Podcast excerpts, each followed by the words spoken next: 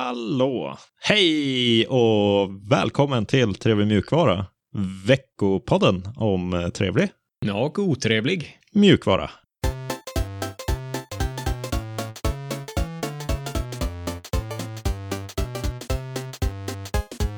Jag heter Alexander och med mig har jag som vanligt Sebastian på andra ändan. Hallå!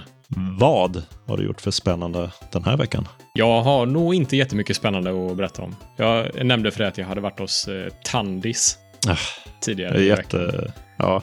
Du eh, gillar inte det uttrycket. Vem säger tandis? Det låter ju mycket snällare och roligare än Ja, tandläkare. det måste ju vara du.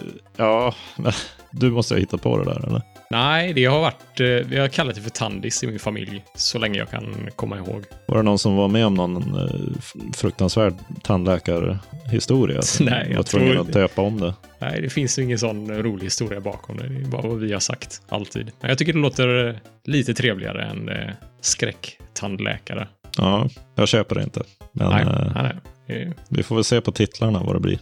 Ja, just det. Vad eh, ska vi prata om den här veckan då? Denna veckan kommer vi ha två lite större, längre nyheter. Och sen har vi vårt kort och gott-segment, som vanligt. Där vi har fyra spännande, lite kortare nyheter. Sen är det trevligheter, inga otrevligheter denna veckan. Så det blir ett eh, riktigt positivt avsnitt. Ja, härligt. Sedan har vi våra utmaningar och så meta-segmentet, som vanligt. Mm, men eh, först nyheter.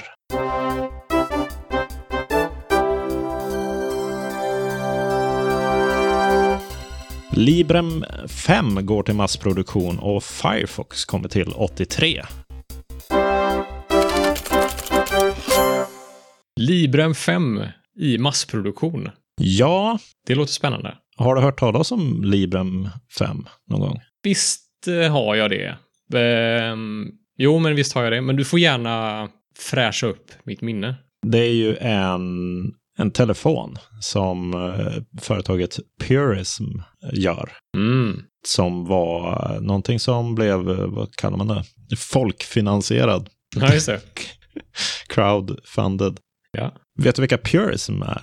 Ja, Det är ju företaget som gör Librem-telefonen. jag ja. vet inte, men de gör väl Eh, andra korrekt. saker också. eh, Hårdvaruföretag. Ja, ja, men de gör lite bärbara datorer och telefoner och andra enheter som, som brukar kallas någonting, Librem, Librem någonting. Just det. Librem, de har Librem 13 för 13-tums datorer och Librem 15 för 15-tums datorer. Och nu har de ju Librem 5 som är en 5-tums, ja, den är väl 5,7 tum telefon.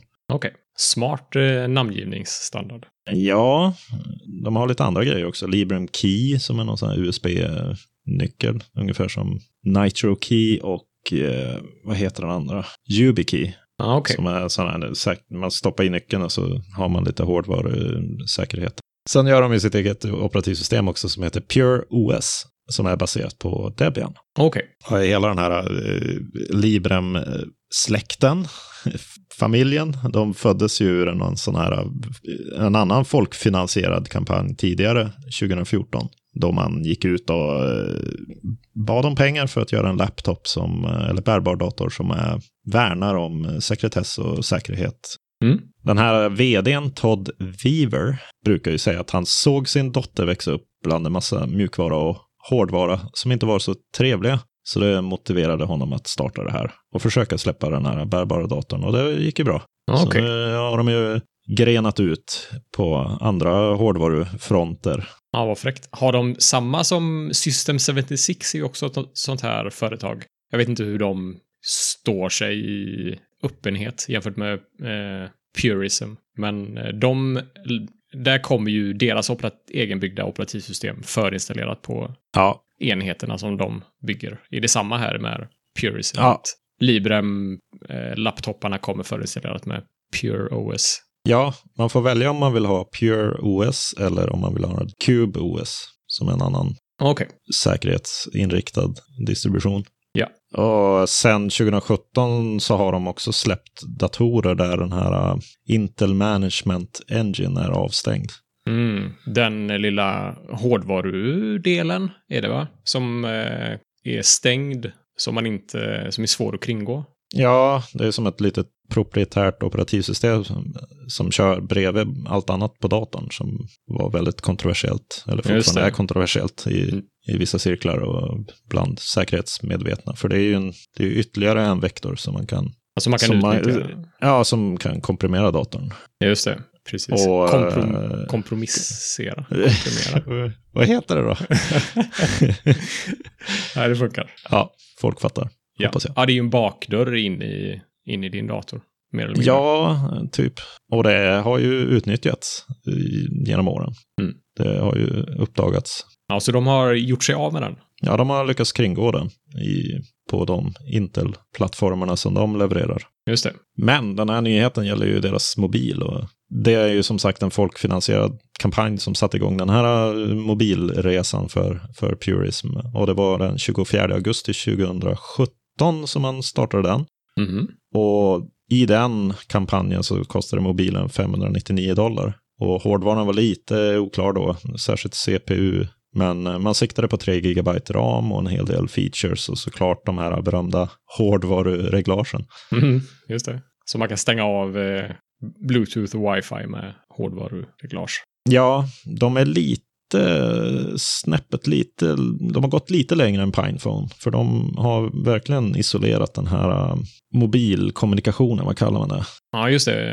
Eh, k- Ja, men eh, de modemen, modemen är det väl man kallar det kanske. ja, Okej. Mm. Så att man kan slita ut modemet om man skulle vilja det. Och bara köra wifi då, eller bluetooth eller? Ja. Så att den har de som isolerat och, och både hårdvarumässigt och eh, mjukvarumässigt. Ja. Det är lite intressant, för v- jag använder ju personligen inte det där modemet särskilt mycket. Jag skulle ju kunna ha en mobiltelefon som det inte går att ringa till. Ja, Eller, eh, Den- Varför ska jag ha ett simkort egentligen?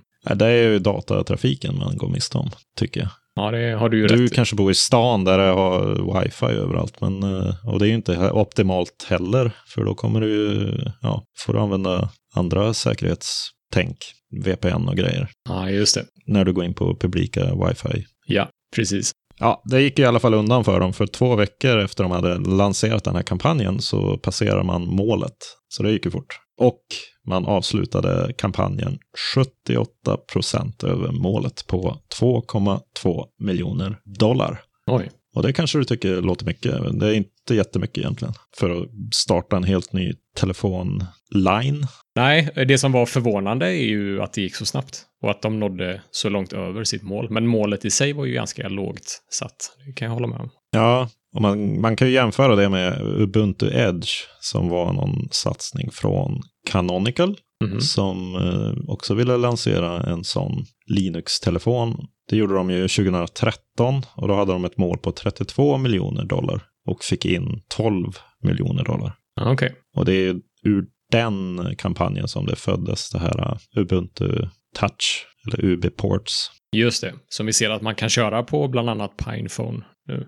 Ja, så det var ju inte helt fruktlöst om man säger så. Just det. Men deras hårdvara gick... eh, Det blev inte så mycket av det. Nej, de eh, fortsatte att satsa på att bygga operativsystem som andra hårdvarutillverkare skulle installera på sina telefoner. Ja. Det var väl mest spanska tillverkare som var intresserade av det. Ah, claro. B BQ Aquaris, det var någon surfplatta tror jag. Jaha. Ja, och när man hade lanserat den här kampanjen så hävdade man ju att det skulle skeppas Q1 2019, men gissa om det, gissa hur det gick.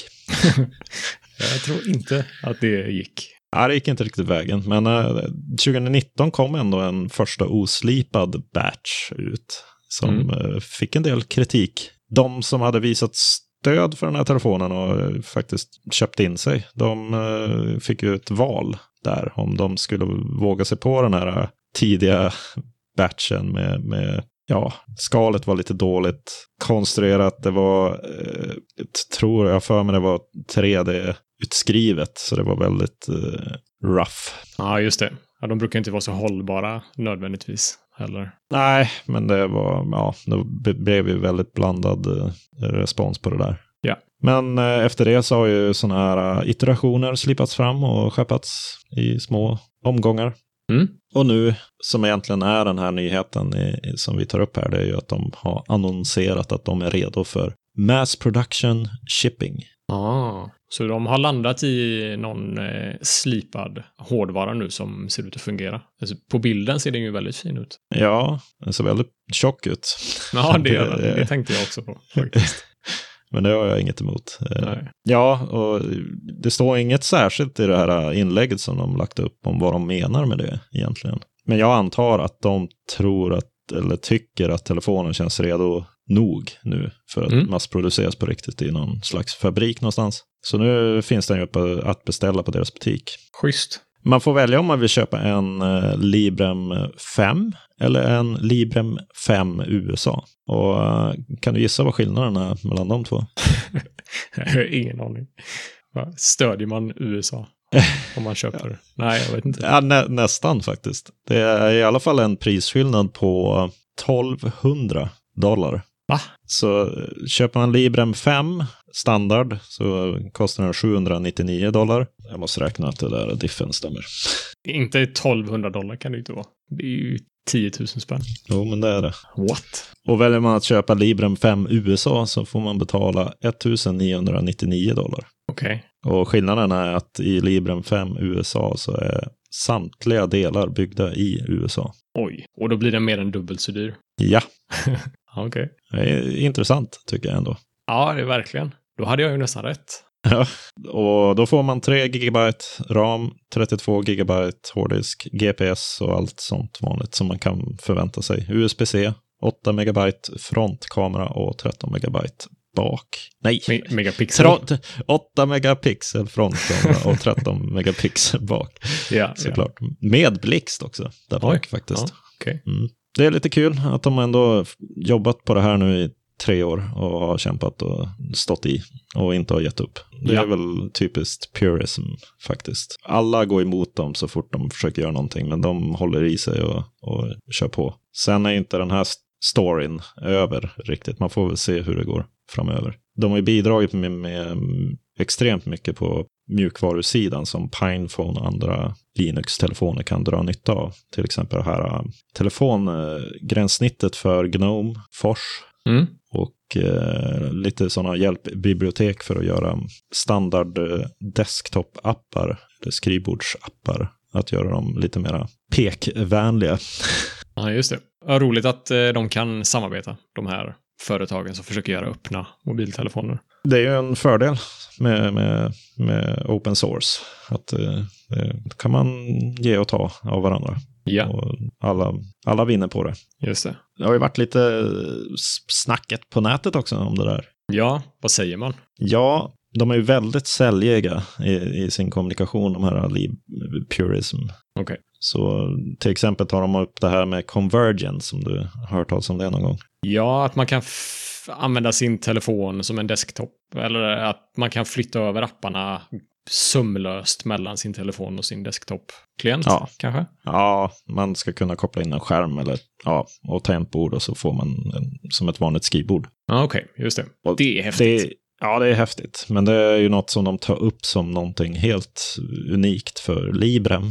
Men det Mm. finns ju såklart också på Pinephone och andra telefoner som kan köra Linux eh, mobiloperativsystem. Men när det här satte igång 2017, eller när du sa att det var, så kanske de var först med det. Nej, då fanns ju också Ubuntu Touch och det var ju, okej. Ja, ja. eh, Så jag vet inte. Jag köper inte riktigt det. Nej, all right. Sen är det någon som klagar på eh, redo för massproduktion? Frågetecken. Den har ju inte ens en fungerande kamera.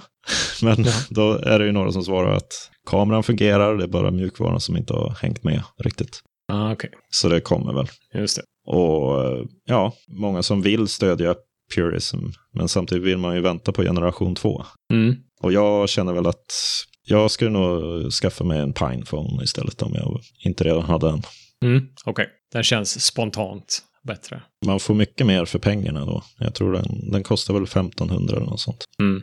Kronor. Ja, och den här kostar 800 dollar. Eller vad sa du? Precis. Ja. Ja, det är ju en jäkla skillnad. ja, Ja, det har varit eh, spännande att se en eh, sida vid sida jämförelse mellan Pinephonen och den här Libren 5, mm. tycker jag. Vad är skillnaderna och vad är likheterna och vilken är bäst? Men eh, det kommer väl eh, snart då, kan jag ju bara gissa. ja vi får hålla ett öga på det och se hur det utvecklas. Men det är kul att det finns så många, så många är det inte, men det finns ju ett gäng alternativ nu. Ja, precis. Tror du 2020 är Linux-året för mobila enheter? 2020 är ju snart över. Så ja, jag just vet det. Inte. Det är det. Okej, 2021 då. Kan- Det är ju ja. på G i alla fall. Ja, det är det. Absolut. Firefox har ju släppt en ny version, 83. Yeah! Den 17 november. Ja, jag tror vi inte tog upp 82, men vi kanske inte måste ta upp varje version.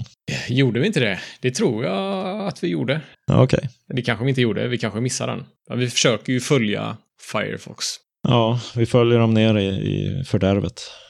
Nej, Vi så hoppas, får- ju, vi hoppas ju inte på det. Men, Nej, eh, vi, vi håller ju på dem. Ja, det gör vi. Precis. Det är ju viktigt att snacka lite om Firefox för att hjälpa till att se till att eh, Chrome inte blir ensam i det här browserkriget. Nej, vi vill inte ha ett nytt Internet Explorer. Nej, precis. Vad är det som är nytt i det här då? Ja, det är ju en del spännande här i version 83. Först och främst så är det uppgraderingar till Spider Monkey. Och Spider Monkey är Firefox JavaScripts motor. Aha. Så sidladdningarna, de har lite fin statistik här. Sidladdningarna är upp till 15 snabbare. Okej. Responsiviteten är upp till 12 snabbare. Mhm.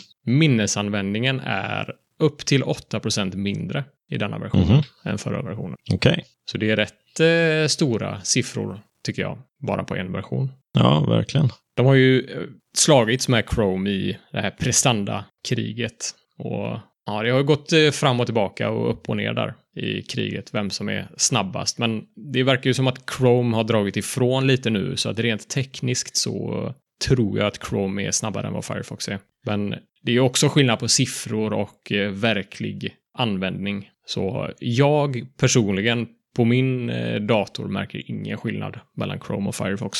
Nej. Så man kan ju eh, peka på siffror hur mycket man vill, men eh, om det i, i verkligheten inte är någon skillnad så spelar det inte så stor roll. Och då kan man ju välja Firefox istället för Chrome på grund av att det är ett bättre alternativ på många sätt eh, om man är för ett eh, öppet och fritt internet. Ja, de får inte eh, roffa åt sig för mycket makt, de där, de där Chrome-gänget. Nej, precis, precis. En annan eh, spännande nyhet i denna versionen är en HTTPS Only Mode, som de kallar det. Mhm. Och det innebär att de försöker ansluta via HTTPS på alla sidor man går in på med webbläsaren.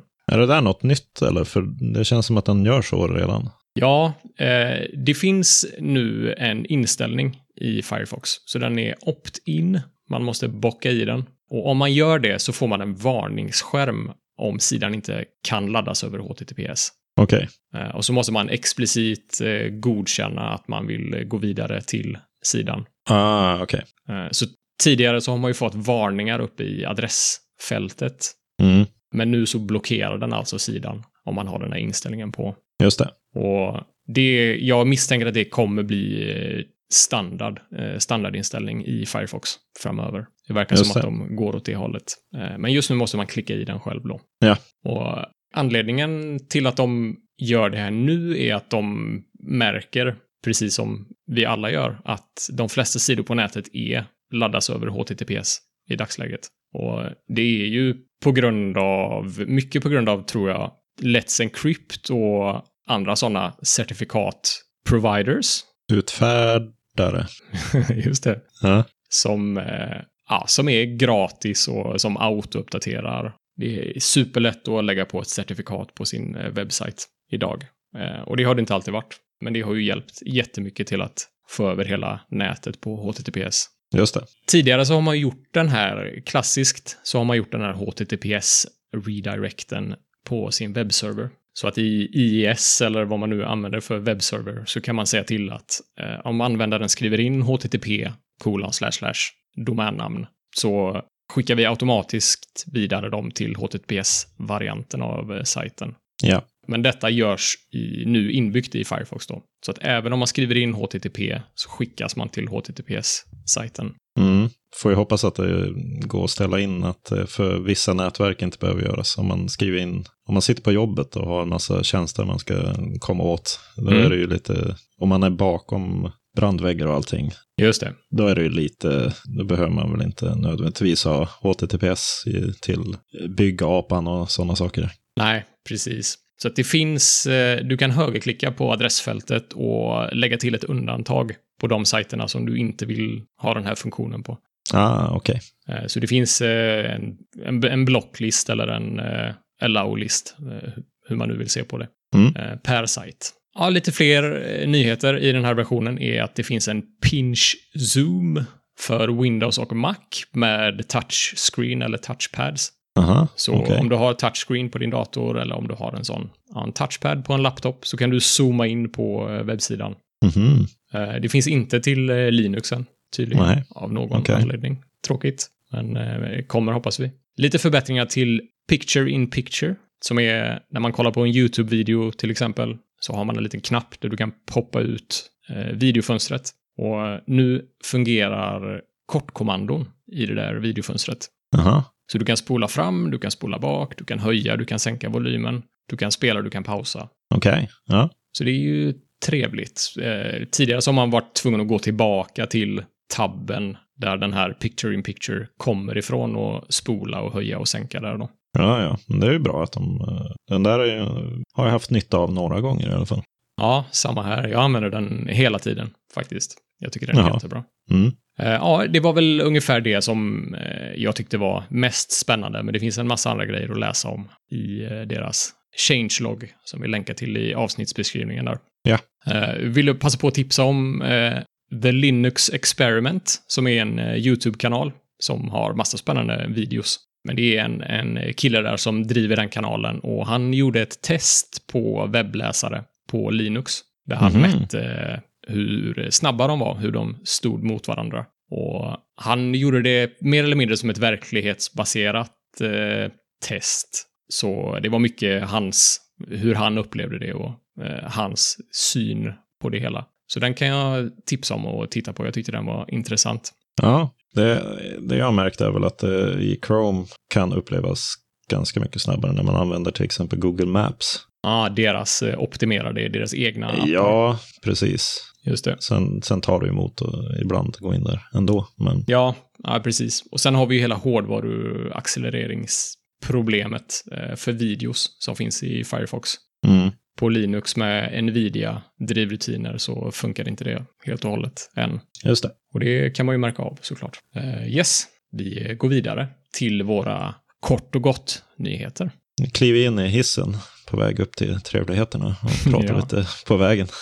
Sätter igång hissmusiken nu. Rust tar mark. Ja, eh, veckans eh, propagandameddelande från... eh, Från eh, Rust-Alex. ja, precis. Ja.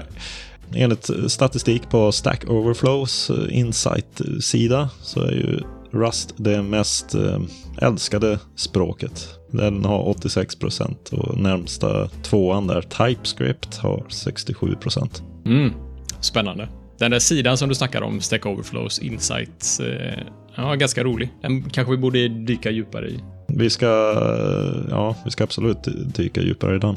Det finns ju också mest hatade programmeringsspråk. Men vi kanske ska lämna det därhän just nu. Ja, vi får besöka den eh, i ett kommande avsnitt. Ja. Ja, så det är ju uppenbart eh, att Rust är populärt. Och det återspeglas ju även i de här stora bolagen som nu börjar konvertera gammal kod till Rust. Och det, I den här artikeln så listas det bland annat Facebook, Amazon, Cloudflare, Figma till exempel.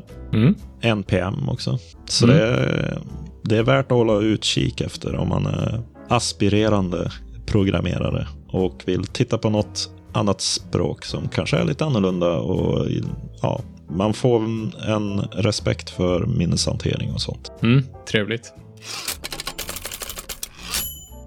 Hacktoberfest statistik har kommit upp. Ja, precis. Vad innebär det? Hacktoberfest eh, är ju den här Lite kontroversiella Den som någon blev arg på där ett tag. Ja, precis. Det är ju något slags eh, initiativ för att eh, få in folk till att hjälpa till med open source-projekt. Så det sponsrades av Digital Ocean och Intel och Dev, som är bloggplattformen då. Just det. Mm. Man skulle ju få en t-shirt eller så skulle man få ett träd planterat eh, i sitt namn om man eh, hjälpte till med open source-projekt under en viss period under oktober. Då. Ja, vad säger facit då?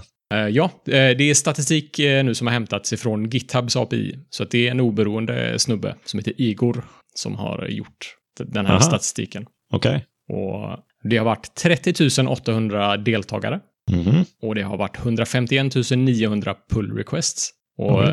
lite intressant är att det var färre än 2019. Så att Hacktoberfest kördes 2019 också, men då var det fler pull requests. Ja, De populäraste språken är JavaScript, Python, HTML, Java, TypeScript i ordning. Så JavaScript är det populäraste språket som används. just det. Det är 4,9 pull requests per deltagare. Gränsen för att eh, få den här t-shirten eller trädet planterat var 4 pull requests. Så det är lite mer, lite över gränsen. Ja, Okej. 24 700 individuella projekt accepterade pull requests. Och det är 14 commits i snitt per pull request. Men medianen är en commit. Aha. Så det återspeglar ju det här problemet som du snackade om, att folk bara lägger till en punkt i en readme-fil för att få en Just pull det. request. Eh, försöka lura till sig en t-shirt utan att egentligen ha bidragit med så mycket. Mm. Finns det någon statistik på hur många som valde t-shirt och hur många som valde att plantera ett träd? Nej, det gör det inte. Så den här statistiken reflekterar ju bara det som GitHub känner till och de vet ju inte vad man väljer. Ja. Eh, Men det kommer komma. Digital Ocean kommer publicera eh, officiell statistik om några dagar. Så är man jätteintresserad så kan man hålla koll på deras blogg Digital Mm. Ocean. Det får vi nog göra, för att det här med att skicka ut t-shirts till höger och vänster, bara för att, det är ju inte helt miljövänligt. Nej, det är det inte. Nej. Det går man nog minus på. Summa summarum skulle jag Ja. tro. Men, ja. Ja, vi får följa det. Yes. GIMP fyller 25 år, som Ja. Bittin gjorde oss eh, uppmärksamma på. Mm, tack för det, och ja, grattis Gimp! Bra jobbat! Och snart har ni efter 20 år kommit till eh, version 3 av GTK. Vi håller tummarna. Just det, just det. Är man mer Mm. nyfiken på det så kan man lyssna på förra avsnittet där vi snackade om precis det där. Ja. Torvalds, våran eh, kompis där uppe på toppen av Linux-hierarkin. Han Ja. eh, har lite input på eh, de här nya Apple-datorerna med eh, M1-chip. Just det. Han fick ett, eh, frågan i ett mejl. Vad tycker du om de nya Apple-laptoparna med M1-chippet? Han brukar ju vara ganska pragmatisk, även om han eh, inte har det ryktet egentligen. Men eh, ja, Ja. Vad, vad, sk- vad säger han då? Han säger att han hade älskat att ha en om den bara hade kunnat köra Linux. ja, det var väl... Chockerande svar. Ja, Ja, men det är lite eh, roligt att han inte är, han är ju inte anti hårdvaran. Så han eh, säger att han har använt en 11-tums Macbook Air tidigare ja. och att han gillade den jättemycket. Eh, och han påpekar även att Apple kör hela sitt moln på Linux, men på deras laptops så eh, fungerar det inte. Nej. Och han har väntat på en eh, ARM-laptop som kan köra Linux länge. Och det finns väl lite alternativ, men hårdvaran är väl inte nödvändigtvis den bästa i de alternativen som finns. Så han tyckte att eh, den nya Macbook Air-datorn hade varit nästan perfekt, förutom operativsystemet då. Ja, eh, inte helt oväntat. Han är ju en, eh, i grund och botten så är det ju hårdvara han gillar att pyssla med. Han Mm. vill ju få det att fungera. Just det. Och ju bättre hårdvara, desto bättre. Ja, precis. Ja, de är, man kan ju inte sticka under stolen med att hårdvaran i mackarna är väldigt, väldigt bra. Ja, Så han säger att han har inte tid att fixa och trixa med den. Så det är väl kruxet där. Och han Ja. vill inte heller fighta företag som inte vill hjälpa till. Jag tror han har Nej. blivit lite bränd på det. Han har haft fejder med Nvidia och säkert fler företag också. han har ju tillräckligt att göra. tror jag. Ja, det precis. finns andra strider att välja. Ja, det gör det. det finns annat att göra, annat att fokusera på, lägga sin energi Ja. på. Så det tycker jag är pragmatiskt och smart av honom. Mm. Eh, Jag vill bara nämna att det jobbas på att få Linux att köra på det här M1-chippet. Va? Apple har ju sagt att det inte ska gå. Ja, det är... De sa att eh, PS4 inte kan hackas och eh, iPhonen, ja, du vet. Ja. Eh, ett sånt eh, utlåtande är ju som en utmaning för folk som tycker det är roligt att jobba ja. med sådana grejer.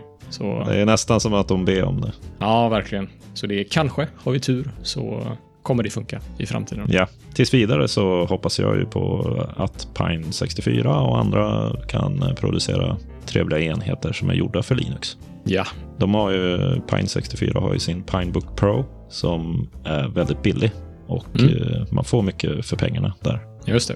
Ja, det är bra tips. Och den är ju också ARM, eller hur? Ja. Ja. Ska vi... ehm, Nu är vi framme i hissen. Mm. Då kliver vi ut i trevligheternas eh, våning. Ja. Åh, så trevligt.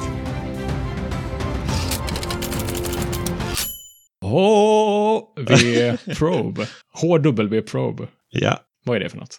Det är en ja, opt-in eh, mjukvara såklart. Man behöver installera den. Som samlar in en massa fakta om vilka grejer man har i sin dator och skickar upp det till en sida som heter linuxhardware.org. Ah, okej. Det är telemetri. Ja, det är telemetri av hårdvara. Okej. Och det är till Linux och BSD. Mm. Jag tycker den är trevlig, för det är ju open source. Man har tillgång till datan som de eh, får in. Man kan eh, se trender i vilka operativsystem som växer och sjunker. Ja, jag är ju Mm. lite, jag är lite nördig när det kommer till statistik och data och grafer och sånt. Och det, Mm. Så att det, var, det var kul att se. Jag kan bara misstänka att urvalet av personer som aktiverar det här har en viss eh, inriktning på operativsystem, till exempel. Jaså? Jag tänkte att eh, de flesta som aktiverar det här säkert är Linux-användare. Och då kommer vi bara se Linux-stats. Så att de kommer inte vara särskilt betydelsefulla i det stora hela. Men eh, det är ju just eh, Linux och BSD som mäts här.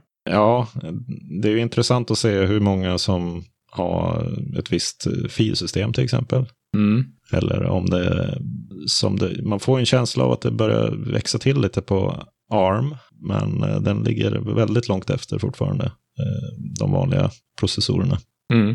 Och det återspeglar ju känslan man får av popularitet av operativsystem också. Ubuntu är ju i, i en klass för sig. Den är mest populär. Ja. Tar man exempelvis eh, en ra- rapport för, för eh, oktober Mm. så har Ubuntu 46 procent av marknadsandelarna av Oj, de som Det kör. var mer än jag trodde. Och eh, Fedora har 6,6 och Manjaro har 5,3. Okej. Men det är ju vissa andra operativsystem som också dyker upp som jag inte riktigt känner till, typ eh, Black Panther. Okej. Aldrig hört. Och den mest använda kärnan är 5.4 och den näst mest använda är 5.8. Okej. Och så kan man se att det är cirka 3 som kör 32-bitars eh, hårdvara och 95,9 som kör 64-bitars. Ja. Men det är, det är lite roligt om man vill grotta ner sig. Men jag tror ju att det är lite vinklat mot folk som... Det är ju inte alla som kör den här. Och de som kör det har väl någon slags eh, vinkling. Ja, precis. Men det är ju svårt att komma ifrån när det är sådana här opt-in telemetri. Det man kan se är väl trender i det här. Om det ökar eh, av, eller minskar av någonting. Just det. Det kan kommunicera någonting som kanske går att härleda till någonting. Mm. man ska nog inte fokusera för mycket på hur andelarna ser ut i just nu, utan hur de utvecklas. Just det, just det. Mm. Nej, men det är lite trevligt. Eh, Jag har ju även lagt in hur min eh, åtta år gamla kontorsdator ser ut, så om någon vill eh, kika på den så finns det ju en länk i avsnittsbeskrivningen. Jaha, så du har din egna lilla sida där. Man kan se precis din dator. Ja, precis. Man installerar den här och så kör man en, ett kommando och så sen får man tillbaka en länk. Just det. Fräckt. Toppen! Stacer, tror jag man uttalar den här. Ja, det tror jag med.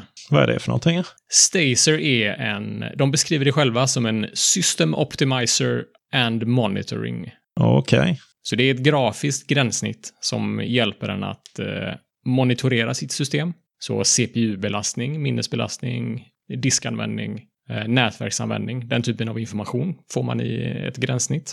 Ja, Och den andra delen av det är den här System Optimizer-delen då. Och den delen innehåller till exempel en, en System Cleaner, kallar de det för. Så man kan eh, rengöra, frigöra plats på sin hårddisk genom att ta bort eh, massa temporära filer. jaha, okej. Det här ser ju väldigt mycket ut som sådana här um, Reg 32 Cleaner eller vad de heter de här på Ja, ah, Windows. just det. Just det, just det, precis. De där som eh, varannan gång är malware. Ja, precis. Ja, exakt. Men den här är ju lite snällare än så. Ja, den är ju open source. Just det, precis.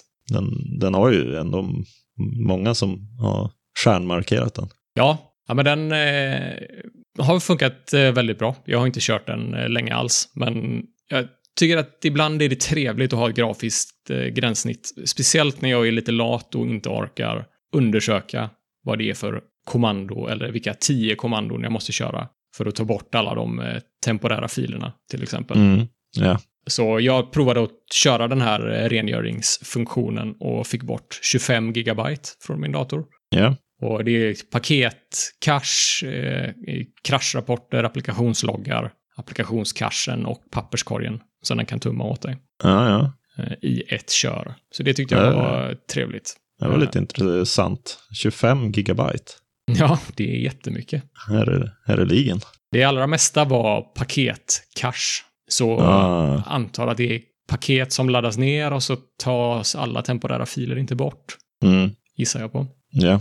En annan sp- eh, bra sak med den är att du kan kontrollera vilka appar som startas när du startar din dator. Vilka Aha. appar och vilka servicer som startas. Okej. Eh, Så du får en överblick och du kan toggla, lägga till, ta bort eh, vad som auto startas. Ja, Ah, okej. Får du en överblick över System D Units då, eller? Ja, precis. System D, Journal, Upload, System D. Du får en tillgång till alla dem alltså? Ja, precis, precis. Ja. Så kan man tog- toggla, ta bort och sådär. Ja, ja jag, får nog, jag får nog prova den där. Ja, nej, jag tyckte den var, tyckte den var trevlig. Eh, och Det finns ju kommandon för allt det här om man vill vara riktigt eh, cool. Men så cool är inte alltid jag i alla fall. Ja, men ibland är det ju, behöver man ju lite stöd för att lära sig. Och så är det ju trevligt om, om... Ibland vill man bara klicka runt lite och titta lite. Just det, precis. Ja, ja bra tips. Ja.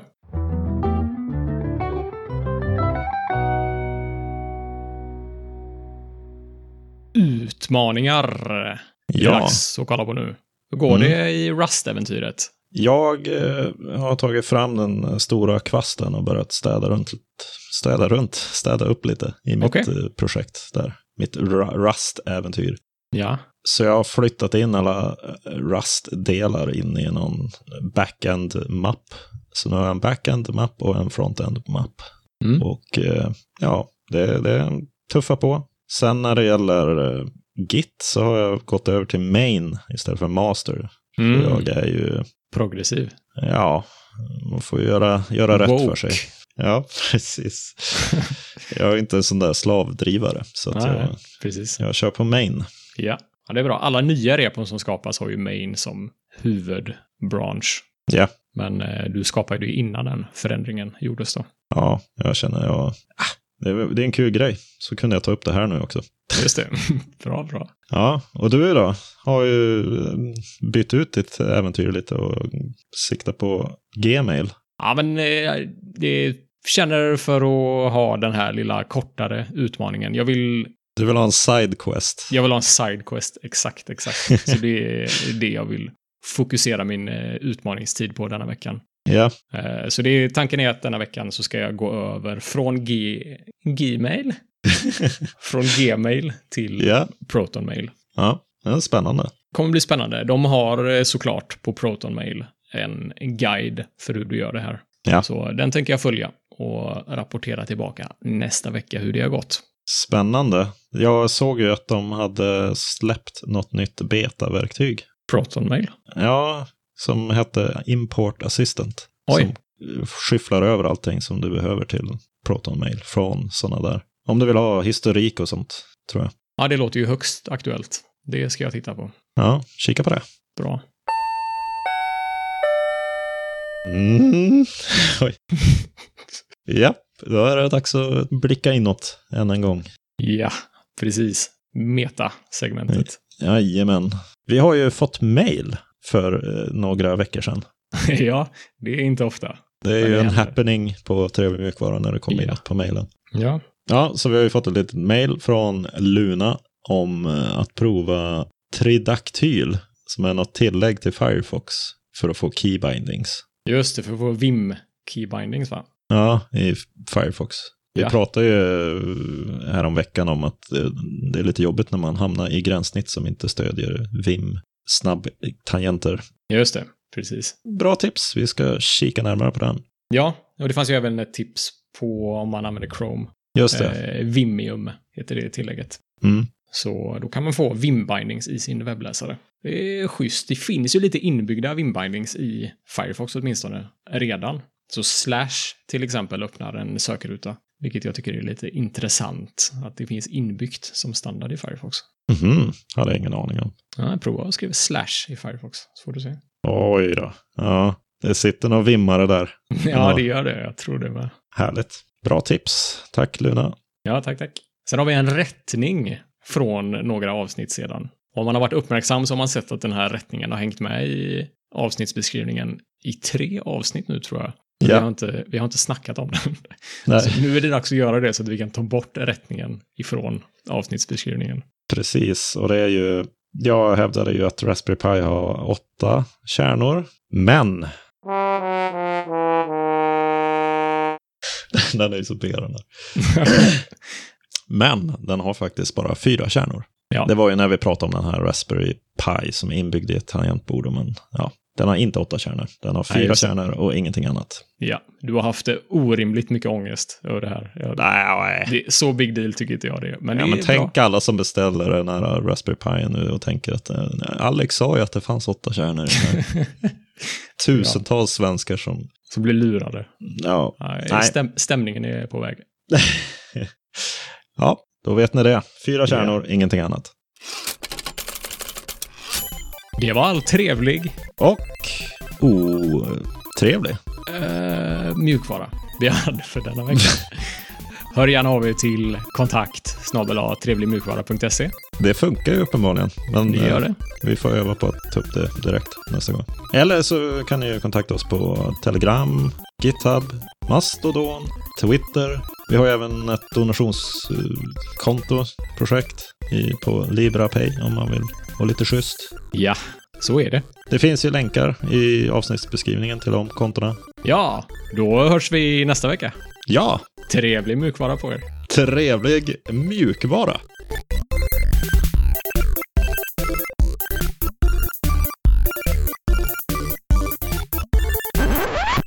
För att starta en helt ny telefonline. Nej, nej, det som, nej, det som var förvånande att det gick, eh, det som var förvånade,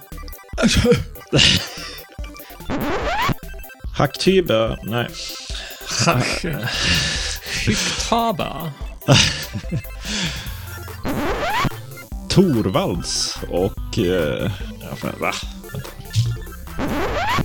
Torvalds har lite åsikter eller input. Input? Ja. Jesus. Så att den här statistiken hämtades ju från GitHubs API. Eh, Så det är, man ser ju bara... Oj, det var länge sedan jag fick en sån. Ett sånt Ja. bryt. Oh.